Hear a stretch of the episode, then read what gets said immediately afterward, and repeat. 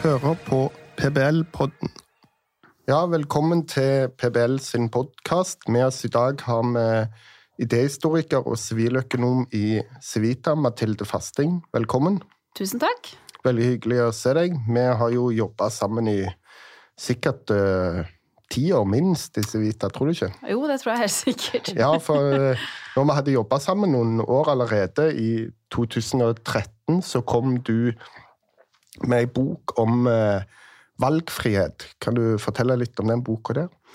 Ja, det var fordi at jeg tenkte valgfrihet på det tidspunktet, det er jo nå faktisk ti år siden nesten, så så var jo det noe som man ofte hørte og tenkte på som en sånn uh, borgerlig, uh, liberal uh, verdi som var viktig. Og så tenkte jeg da må jeg skrive litt om det. Så det var først litt prinsipielt om hva mm. valgfrihet er, og så gjorde jeg det litt til en historiegjennomgang, sånn at jeg så litt sånn på hva som har skjedd i politisk bruk av valgfrihet opp gjennom den norske historien. Ikke sånn veldig langt historisk spenn, men et sånn passelig forskjellig historisk spenn, og eh, delte det inn der. Og så gikk jeg inn på partiene og så de, eh, hvordan de argumenterte og brukte ordet valgfrihet, og der oppdager man jo at det kan være ganske så forskjellig hva de mener og hvordan de bruker det begrepet. Og så tok jeg opp til slutt eh, noen debatter som kanskje på en måte bærer preg av hva som var,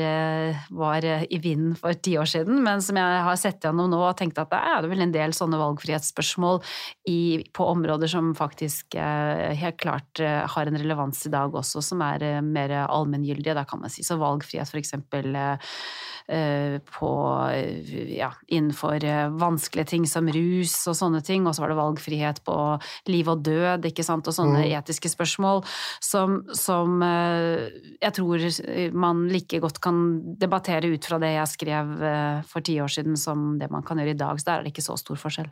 Ja.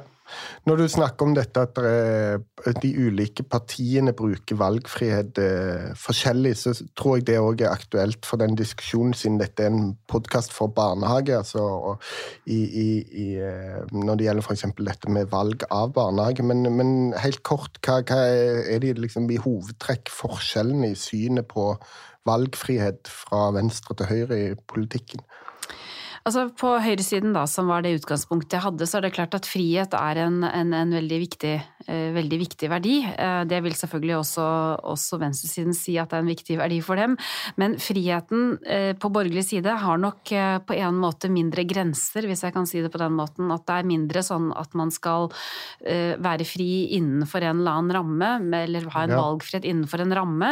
Den rammen er ikke så tydelig på borgerlig side. Så den, den, der er det sånn at man kanskje har en større aksept for å akseptere vanskelige eller dumme valg, kan man si, eller, eller, valg som man kanskje ikke ville valgt selv, eller kanskje ikke mange andre ville valgt, men at det er et større spenn for, for mangfold, eh, og at man ikke er så interessert i å blande seg inn i de valgene på en måte som gjør at de egentlig ikke er valgfrihet, men nesten over til det vi kaller for et vanskelig ord, paternalisme. Altså at, at, rammen for de valgene er veldig, veldig lagt, slik at de valgene man tar, de blir preget av eh, hvilken eh, kontekst man gjør de valgene i, og dermed så blir det til, kanskje til syvende og sist ikke et valg i det hele tatt. Og sånn kan nok kanskje den prinsipielle forskjellen mellom høyre- og venstresiden bli, da, hvis man skulle ja. prøve å definere det litt overordnet. Ja, det minner meg om Vi har jo hatt Ida Lindtveit i denne podkasten, og hun snakket litt om det samme, dette med rammene som blir lagt for, eh, for valgfriheten. F.eks. det med å velge å sende barn i barnehage. Sant? Veldig mange familier i dag sender jo barna i barnehage, og heldigvis, vil mange si, men fra et sånn valgfrihetsperspektiv så kan du jo diskutere er det er det riktig at eh, man legger så sterke rammer og føringer og subsidier eh, offentlig finansiering osv. Veldig lav makspris på mange måter. Dylter på mange måter barnefamiliene mm. til å velge barnehage. Legger veldig sånn strenge rammer mot det å velge barnehage. Det kan jo, iallfall på et prinsipielt nivå, diskuteres.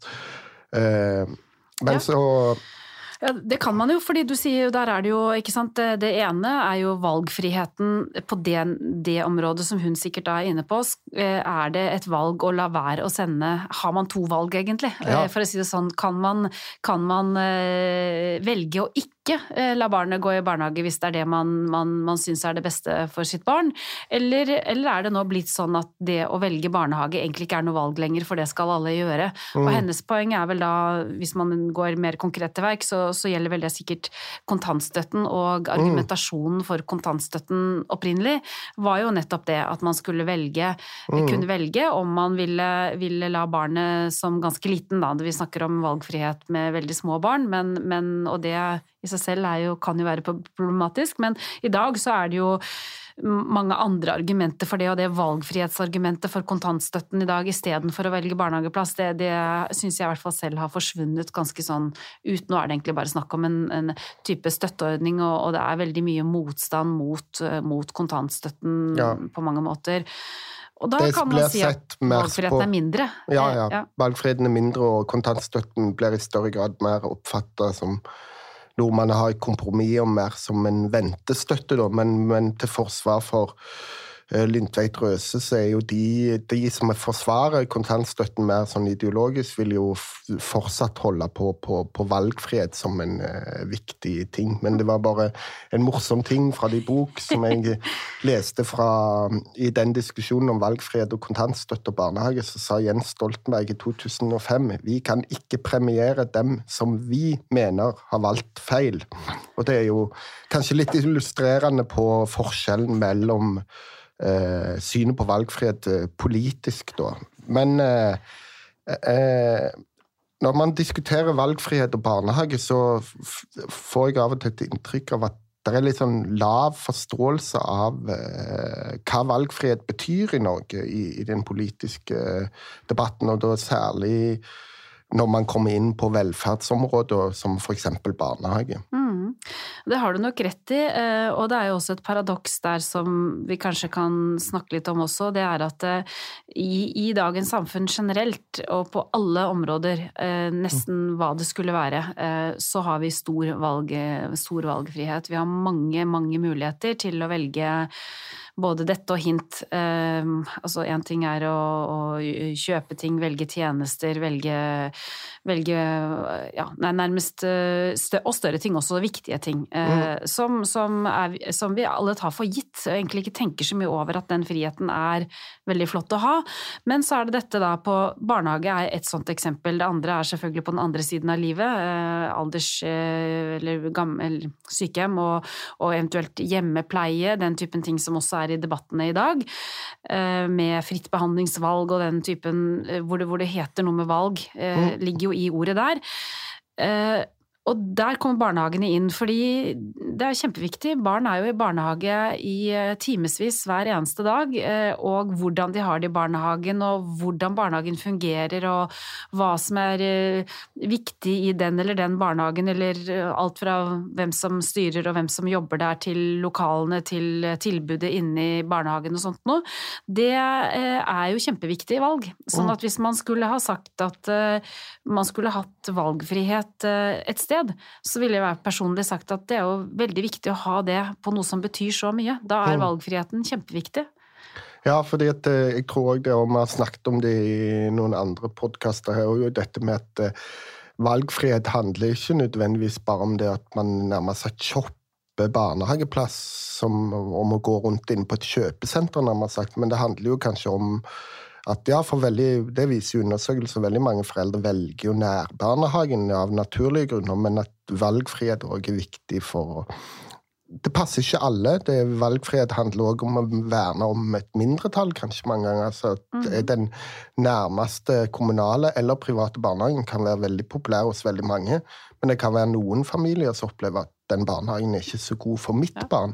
Og da er det jo veldig viktig å verne om valgfriheten til de foreldrene. Mm, og da, da, er du inne på en viktig borgerlig ting også, det med at man beskytter, beskytter mindretall. At man, man, passer på at når de har rettigheter, så har de også, må ikke de velge mainstreamen hvis de ikke vil. Og så kan man si at uh, i et sånt valg om, om barnehage, så er um, så er det klart at der vil foreldrene mest sannsynlig bruke ganske mye tid på det valget om barnehage. Selv om mange av dem ender i som du kaller nærbarnehagen, eller at det kanskje ikke er drøssevis med barnehager å velge på, så bare de har to stykker, så vil de bruke tid på å velge mellom den ene eller den andre. Uh -uh. Fordi det er et så viktig valg. Sånn at da gjør man jo noe som man, man ofte kanskje kan, kan, kritisere andre valg for. At, eh, at ikke man har god nok informasjonsflyt, og at den som skal gjøre valget egentlig ikke er i stand til å gjøre et ordentlig valg fordi man ikke vet nok og sånt noe. Mens her så har jeg det klare inntrykket av at, at det å vite litt om om barnehagene som man eventuelt kan velge mellom, det er noe foreldre stort sett setter seg veldig godt inn i, mm. og at de tar eh, eh, reflekterte valg da, når de har valgmuligheten på det. Så jeg mistenker ikke norske foreldre for å ikke være veldig opptatt av å ha den valgmuligheten. Det tror jeg de er. Ja, og det finnes jo tilgang på veldig mye informasjon, offentlig statistikk eh, eh om barnehage. Og, og, selvfølgelig tror jeg òg at sivilsamfunnet og familier snakker sammen. altså Du snakker med naboen hvor selger de dine barn? altså det er en valgfrihet som er, er preget av ganske sterk informasjonsflyt. Og, men eh, dette med ressurssterke og, og, valgfrihet, det er jo en sånn diskusjon. Jeg husker jeg var på en debatt på Institutt for samfunnsforskning, det er sikkert over 20 år siden. Da var det snakk om eldreomsorg og valgfrihet, men da var han gamle historikeren Francis Sejersted og Erna Solberg som diskuterte valgfrihet. og Da snakket Francis Sejersted Han var kritisk til det mer sånn liberale Høyre som forsvarte valgfrihet, fordi han mente at var, valgfrihet var noe som eh, mer, mer ressurssterke takler, mens Erna Solberg sto mer på sånn liberal fløy. Det var en gammel diskusjon, veldig interessant. men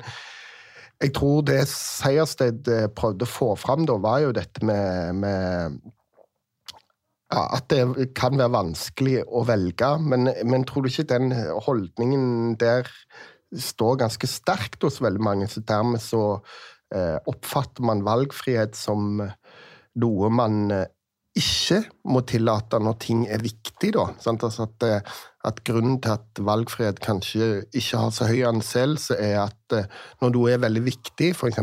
helt grunnleggende velferd som gamlehjemsplass eller barnehage eller skole, da tones valgfrihet ned. Det ser man jo f.eks. På, på utdanningspolitikken i Norge nå, med hvordan friskoler og privatskoler blir eh, tona ned. Der blir valgfrihet ikke viktig. Men eh, hvis man spør ja, men er ikke skole viktig, så vil jeg jo svare jo, nettopp. Det er veldig viktig. Derfor så må det offentlige ha kontroll. Ja, det, det spørsmålet øh, skjønner jeg kommer, men jeg vil si at øh, da er jeg nok ikke på Francis Seiersteds øh, parti, egentlig, når Nei. det gjelder det. Fordi at for det første så tror jeg at skal, det er farlig, og man skal være forsiktig med å undervurdere folks kapasitet til å velge, og også mm. interesse for å velge. Og jeg tror ikke det gjelder bare ressurssterke mennesker. Jeg tror at ressurssterke mennesker helt klart kanskje kan putte enda mer ressurs i et valg. Eh, det ligger på en måte i ordet ressurssterk, men det er ikke sikkert at det er tilfellet. Det kan godt være at et sånt valg vil bety enda mye mer for mennesker som ikke har så mye ressurser, eller som mm. har spesielle behov, eksempel, og som er ute etter etter å forsøke å finne noe som, som passer for dem. Nettopp fordi de da eh, kanskje har eh, mindre ressurser på et eller annet område, og hvor det valget de tar muligens kunne da hjelpe dem til å, å få en bedre hverdag, eller for barnet deres å få, få, få en, en bedre, et bedre barnehagetilbud, hvis vi skal ta det på den måten. Mm. Og så vil jeg si at eh, i disse valgene vi snakker om her, så er det jo heller ikke sånn at uh, at man belastes økonomisk for dette. Det er riktignok en foreldrebetaling i barnehagene, og den er også delvis differensiert. sånn at det, det er ikke noe argument å, å, bruke her om å si at det er de ressurssterke som velger de beste barnehagene i mm. og så får de andre klare seg med de dårlige valgene. Ja, ja. Eh, det er nettopp det det ikke blir når, når man legger til rette for, for, at det skal være valgfrihet på disse viktige tjenestene. Og så tror jeg også at det, det, ikke nødvendigvis er snakk om at man trenger å legge til rette for en kjempestor eh, flora av valg, og det vil også ressurssterke mennesker synes kanskje er kjempevanskelig. Hvis jeg ja. hadde ti valg, så er det ikke sikkert at jeg hadde trengt å ha alle ti. Eh, da kan man få en sånn overload, som mange har beskrevet i litteraturen også, at er, du bare tar det som er uh, på godt engelsk holdt jeg på å si, default-knappen, det som alle velger, for det er det letteste, mm. liksom. Eh, så det er den ene siden. Og den andre siden ved valgfrihet eh, på dette er jo at eh, man må ha en retrettmulighet eller en escape-mulighet. Man må komme seg ut av et valg hvis man har gjort et valg som man ikke er fornøyd med. Mm. Så kan du si at hvis alle da, eller hvis de fleste da tok nærbarnehagen eller en barnehage som var sånn eller slik, og så viste det seg etter en stund at det ikke var så greit, så har man da i et valgfrihetssystem muligheter til å bytte og det tror jeg veldig mange setter veldig stor pris på. Så det er kanskje ikke bestandig det første valget som er viktig, men det er det valget du eventuelt tar i neste hånd, hvis du ikke har valgt helt riktig i første hånd. Ja, jeg tror du, tror du har helt rett i det, og jeg tror at eh, det, særlig det med ressurssvake og valgfrihet, så, så, kan du jo i et tenkt tilfelle være en familie, kanskje en alenemor eller en alenefar. Barna barnet har språkvansker, kommer i barnehagen, prøver å si fra men blir ikke hørt. Da kan jo kanskje for den eh, antatt ressurssterke, eh, ressurssvake familien, så kan jo det valgfrihet, nettopp det å så eh, si opp plassen i barnehagen og søke seg over til en annen, være veldig viktig. Eller eh, muligheten til å kunne velge vekk være veldig viktig for eh, Ikke bare for ressurssterke, men òg for ressurssvake. Eh, ja, jeg ville jo nesten snudd det på hodet der og sagt at den er faktisk viktigere for de som trenger, eh, eller de som, som, som, kanskje har mindre ressurser på et eller annet område, eller har et spesielt behov eller en spesiell mm. interesse. For jeg tror ressurssterke mennesker alltid finner en løsning. Ja. De finner alltid eh, et valg, og så ville de kanskje intellektuelt si at et ressurssterkt menneske ville bli liksom sånn sint for å si ja, men her skal vi ha en valgmulighet, jeg vil ha, jeg vil ha De kan stå på krava litt mer og sånt noe, men, men, men det skal ikke være en grunn til at man man da ikke skal få lov å velge, nettopp for å prøve å beskytte eh, eventuelt ja. Eh, eh, ressurssvake. Eller være overformynder eller paternalistisk og si at dere vet ikke deres eget beste, så dette her er valget dere skal ta, mm. og nå her har dere ikke noen andre valg. Det mener jeg er en veldig farlig vei å gå. Ja, og jeg tror noe av det du sa i stad, når du kritiserte Sejersted for å ta han litt i forsvar, så tror jeg nok han òg kanskje tenkte på nettopp det som om, om, at ressurssterke kanskje med, med mer økonomisk makt f.eks. kan velge å betale en høyere pris, og, og er mer i stand til å sette seg inn i mer komplekse velferdstjenester, f.eks. innenfor helse, og, og dermed ta bedre valg der enn ressurssvake. Der er det, jo, det er jo for så vidt eh, en interessant diskusjon, men jeg mener at den diskusjonen ikke er så gjeldende for barnehage, der man nettopp, som du poengterte, har innført en makspris, sånn at eh, eh, din økonomiske bakgrunn, eller foreldrenes økonomiske bakgrunn, har ingenting å si når man velger barnehage. Snarere tvert om. De med lav inntekt får jo lavere pris enn de med litt høyere inntekt. Men eh, Eh, bare for å gå litt videre, har du noen argumenter mot eh, valgfrihet? Er det noe vi ikke bør eh, få lov å velge som innbygger i et samfunn? Jeg har litt vanskelig for å, for å, for å, se, for å se, det, eh, egentlig. Jeg var jo, som jeg sa, inne på noen debatter eh, som jeg kalte for fremtidens eh, eller fremtidige valgfrihetsdebatter. Eh, du har jo, ikke sant, eh, alt fra sånne ting som lavere skatter og avgifter fordi man skal ta mer ansvar for egen velferd, eller at man skal ta mer ansvar for sitt eget liv og bruke pengene sine på, på egen måte.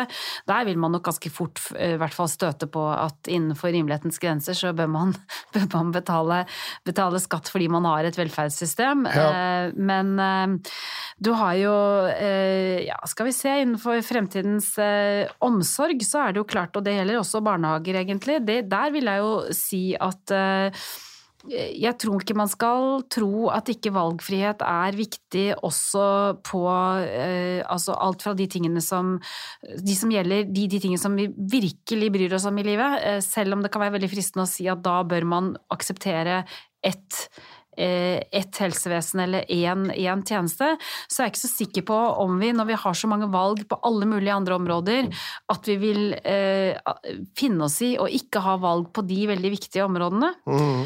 Eh, og så har man jo eh, eh de tingene som er vanskelig, og hvor jeg ser at eh, at man har, eh, man har, eh, kan kanskje knappe inn på valgfriheten. Og det gjelder det som jeg kaller for de vanskelige valgene, altså den typen eh, ting som går på ja, eutanasi, for eksempel, abort sånne ting som kommer inn veldig på det etiske, verdimessige, og som er kalt for valg eh, om liv og død. Der er det klart at der ser jeg nok at eh, der bør man ha grundige diskusjoner, og det har man jo hver gang det kommer opp den typen diskusjoner. Mm. Eh, så jeg ser f.eks. at Frankrike nå holder på å diskutere eutanasi. Ja. Eh, men eh, det ser også ut som om de har eh, store kvaler for det, altså at det ikke nødvendigvis skal være lov. Og de trodde først at debatten, så vidt jeg har fått med meg, at de først trodde at det skulle være ganske enkelt å, å innføre en lov om at det skulle bli lov innenfor selvfølgelig visse veldig strenge grenser. Men så ser jeg nå at det, det er såpass mange motforestillinger mot å gi det valget at kanskje det ikke kommer til å bli mm. lov likevel. Man finner det også på på kosthold, røyking, alkohol, mosjon, sånne ting som er eh, hvor man vet at ting er helseskadelig, da, for å si det på den måten, og at eh, det kan nok være lettere for mange å akseptere mer det jeg vil kalle paternalistiske løsninger, altså enten at valget er tatt, eller at det rett og slett ikke finnes noe annet alternativ enn eventuelt et forbud, at det valget er mm. ikke lov å ta i det hele tatt. Ja. Men for øvrig så mener jeg at eh, Jeg skriver jo her at er forbudspolitikk alltid den beste løsningen? Nei, det, det, det, er det ikke. Og, også, og, det gjelder da særlig på de som vi kaller for umoralske og skadelige valg. Mm. Eh, en del av det bør faktisk være lov, eh, men, men, eh, men, likevel så betyr jo ikke det at man ikke skal kunne drive informasjonsarbeid, du brukte ordet dulting her, du brukte mange ting. Det er klart at man, man må jo kunne debattere valg, eh, om mm. de er gode eller dårlige. Det er lov å gjøre, ja. det skal man ikke. Så det er vel i grunnen svaret mitt, et litt langt svar på ja, et vanskelig spørsmål. Ja, men det var et godt, godt, eh, godt, svar, og jeg tror at uh, du er inne på noe veldig viktig der om at uh, det er viktig med Én ting er å ramme inn sånn at man dulter veldig sterkt i én retning, sånn som man gjør eh, med norsk barnehagepolitikk. Dulter jo og gir veldig sterke føringer til at foreldre skal velge barnehage, men det er fortsatt ikke obligatorisk. Men, og, og, det tror jeg er veldig viktig at det ikke blir, da, mm. syns jeg, da. Men det er jo kanskje noen som er uenig i. Men det, hvis man ser litt historisk på det, og forholdet mellom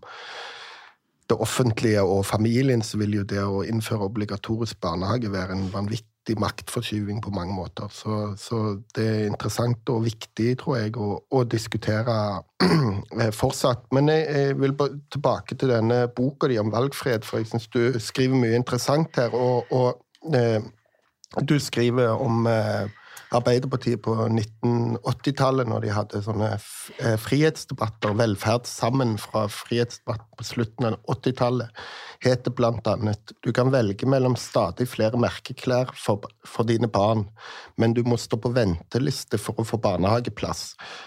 Det var jo en sånn frihetsdebatt som gikk i Arbeiderpartiet på 80-tallet. og Da begynte de å snakke om at man måtte få full barnehagedekning for at foreldre kunne velge mellom det å være hjemme med barn eller sende barn i barnehage og gå på jobb. Og Det er jo en type valgfrihet som jeg tror de fleste både på høyre-venstre-aksen vil være eh, eller Alle politiske partier i dag er enige om at full barnehagedekning er positivt for valgfriheten til foreldrene. Men eh, jeg har inntrykk av at eh, valgfrihetsdebatten nå er kommet på et annet nivå. Altså Nå er det velge mellom ulike typer barnehager, ikke at du skal kunne velge å sende barna i barnehage. Og eh, dette med å Når, når valgfriheten blir tona ned i eh, Særlig fra, fra venstresiden, kan man si, og fra fagbevegelsen. Eh, og man ønsker nå å gi kommunene større makt til å styre kapasitet osv.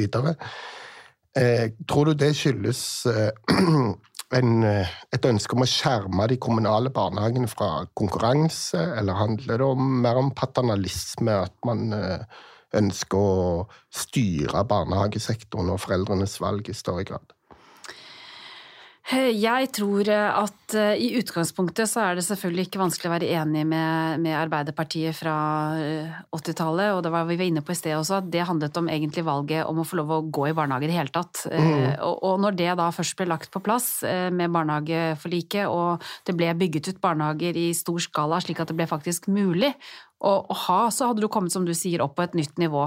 Da var det snakk om at alle, den rettigheten hadde alle, og det var ikke lenger noe, noe, noe spørsmål. Og da, da, skulle man kunne få lov å velge om man ville benytte det tilbudet eller ikke. Altså, da hadde man jo valget mellom å faktisk være hjemme hvis man syntes at det var ok, ikke være tvunget til å være hjemme fordi man ikke hadde barnehageplass, men at man var i en situasjon hvor man hadde to reelle valg. Mm. Og så ligger det, eh, tror jeg, inn i denne valgfrihetsdebatten også et annet argument som kommer veldig ofte opp fra Jeg skal ta resten av spørsmålet ditt, men det kommer også opp rundt, mm. rundt um, venstresidens sterke vekt på likestilling, fordi at dette med barnehager og familiepolitikk generelt, da, det, det er egentlig hele tiden en en stor avveining mellom si, hva, hva, hvor, hvor, barna skal gjøre av seg, hva de skal gjøre, hva kvaliteten for dem er, og hva barnehagetilbudet f.eks. betyr, og da likestillingen om at, at det skal være, være, likt så mye som mulig for å få til da, særlig da at kvinner er i arbeidslivet og sånt noe, men hvor det er veldig mange konfliktlinjer i dette her som kommer på tvers, og som ikke du, du, klarer ikke å få gjøre alle til lag, så derfor så ser vi alt rundt permisjoner og alt dette her, men også disse, disse tingene når det gjelder, som vi var inne på i sted, kontantstøtten. Mm. Men så har du, eh, som du sier, eh, barnehagene nå, og hvorfor skal ikke det være mulig å ha den valgfriheten som man i dag faktisk har klart å etablere mellom ulike typer barnehager? Og det sagt så er det vel også riktig å si at kommunale barnehager kan være forskjellige også, så det er jo ikke mm. det at eh, nødvendigvis bare de private barnehagene ikke Altså det er bare de som er forskjellige fra de offentlige. Det finnes veldig mange andre skillelinjer også. Mm. Og det er jeg eh, litt lei meg for at ikke er del av debatten i dag. Fordi det er jo det som er eh, det, er det, som er det kjempeflotte ved at man har full barnehagedekning, nettopp det at det finnes veldig mange tilbud. Eh, mens debatten i dag dreier seg om, om, at man ikke skal tjene penger på barna, eller at private barnehager ikke skal få lov å, å, tjene penger. Og det vi vet er jo, som du sikkert har snakket med mange om, at driftsmarginer og sånt noe i private barnehager kontra skal vi si offentlige barnehager eller kommunale, der er det jo Det er ikke sånn at Det er ikke der forskjellene ligger. Mm. Sånn at man har helt sett bort fra det viktige poenget om at et mangfold av barnehager er et gode. Mm. Det er et gode fordi at det er veldig viktig for, for alle norske familier å, å, ha barnehagetilbud og kunne velge eh, noe som er så viktig som det. Og, og jeg syns at den debatten om dette, eh, som den foregår i dag, har sporet helt av fra det valgfrihetsargumentet. Det er nesten ikke oppe i det hele tatt, og det burde vært eh, mye sterkere stemmer for at det ville være viktig, og da er det klart at er det forskjellige tilbydere av barnehager, så vil mangfoldet bli større. Du klarer mm. ikke å få til det samme mangfoldet i bare, i bare kommunalt drevne barnehager. De vil ha en del rammer rundt seg som gjør at eh, det å, skal vi si, være veldig forskjellig innenfor en sånn ramme er mye vanskeligere enn hvis du har eh, mange andre tilbud ved siden av. Ja, at uh, et visst form for konkurranse, for å bruke det begrepet, ja. tror jeg er viktig for å, uh, for å få fram et uh, mangfoldig tilbud. Og jeg tror du er inne på noe veldig viktig, og det er egentlig på mange måter veldig paradoksalt for å spole tilbake til Francis Sejersteds poeng om at ressurssterke takler valgfrihet bedre, så har man jo fange opp det poenget til Seiersted gjennom maksprisen, sånn at alle skal kunne velge fritt. Og, sant? Altså at eh, bakgrunnen din har ikke noe å si. og så, så, så, Sånn sett så er det veldig paradoksalt at eh, man ikke diskuterer mangfold og kvalitet eh, og valgfrihet i større grad på barnehagen, men at man har flytta fokuset over til en diskusjon om eh, skattepenger på avveie osv., mm. som er en på mange måter en avsporing av debatten, fordi at er, man har sikra det, at det ikke forekommer på helt andre områder mm. og det, helt andre måter. Det er jo en gjennomregulert sektor, og som du sier, driftsmarginene er relativt små.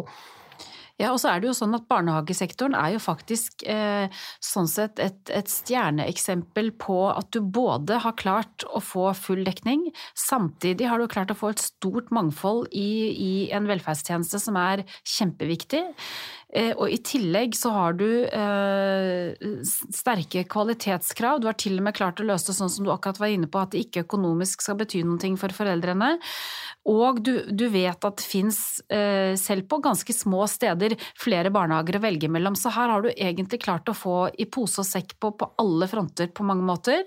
Og det, det, mener jeg det er jo kjempeviktig. Det er mye verre f.eks. I, i den andre siden av skalaen som vi var inne på, altså sykehjemssektor, den type typen sektor, der er plutselig nå tilbudet ganske uh, mye mindre. Eller altså det er mange færre Eh, færre eh, andre tilbydere enn det offentlige, da. Men det har man jo klart her på, på, på barnehagesiden. Mm.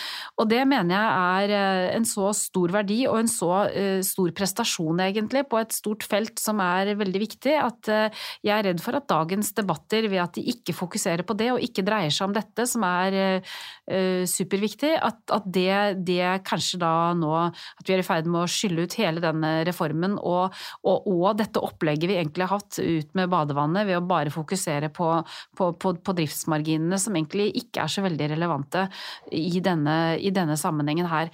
Fordi så lenge, så lenge man vet at barnehagetilbudet er bra, så mm. lenge man vet at de er tilgjengelige, og at foreldrene ikke ikke uh, behøver å, å, betale mer enn det de har råd til, holdt jeg på å si. Det er som du sier makspris og til og med behovsprøving innenfor det.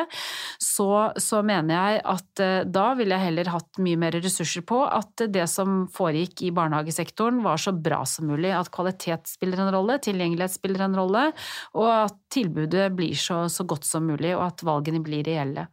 Ja, det er flott. Eh, jeg tror det, la det være siste ord, jeg, altså, for økt fokus på kvalitet i barnehagen og fortsatt valgfrihet. Det er noe vi i PBL er for. Tusen takk for at du kom og delte dine refleksjoner med oss her i PBL-podden. Tusen takk for at jeg fikk komme. Tusen takk.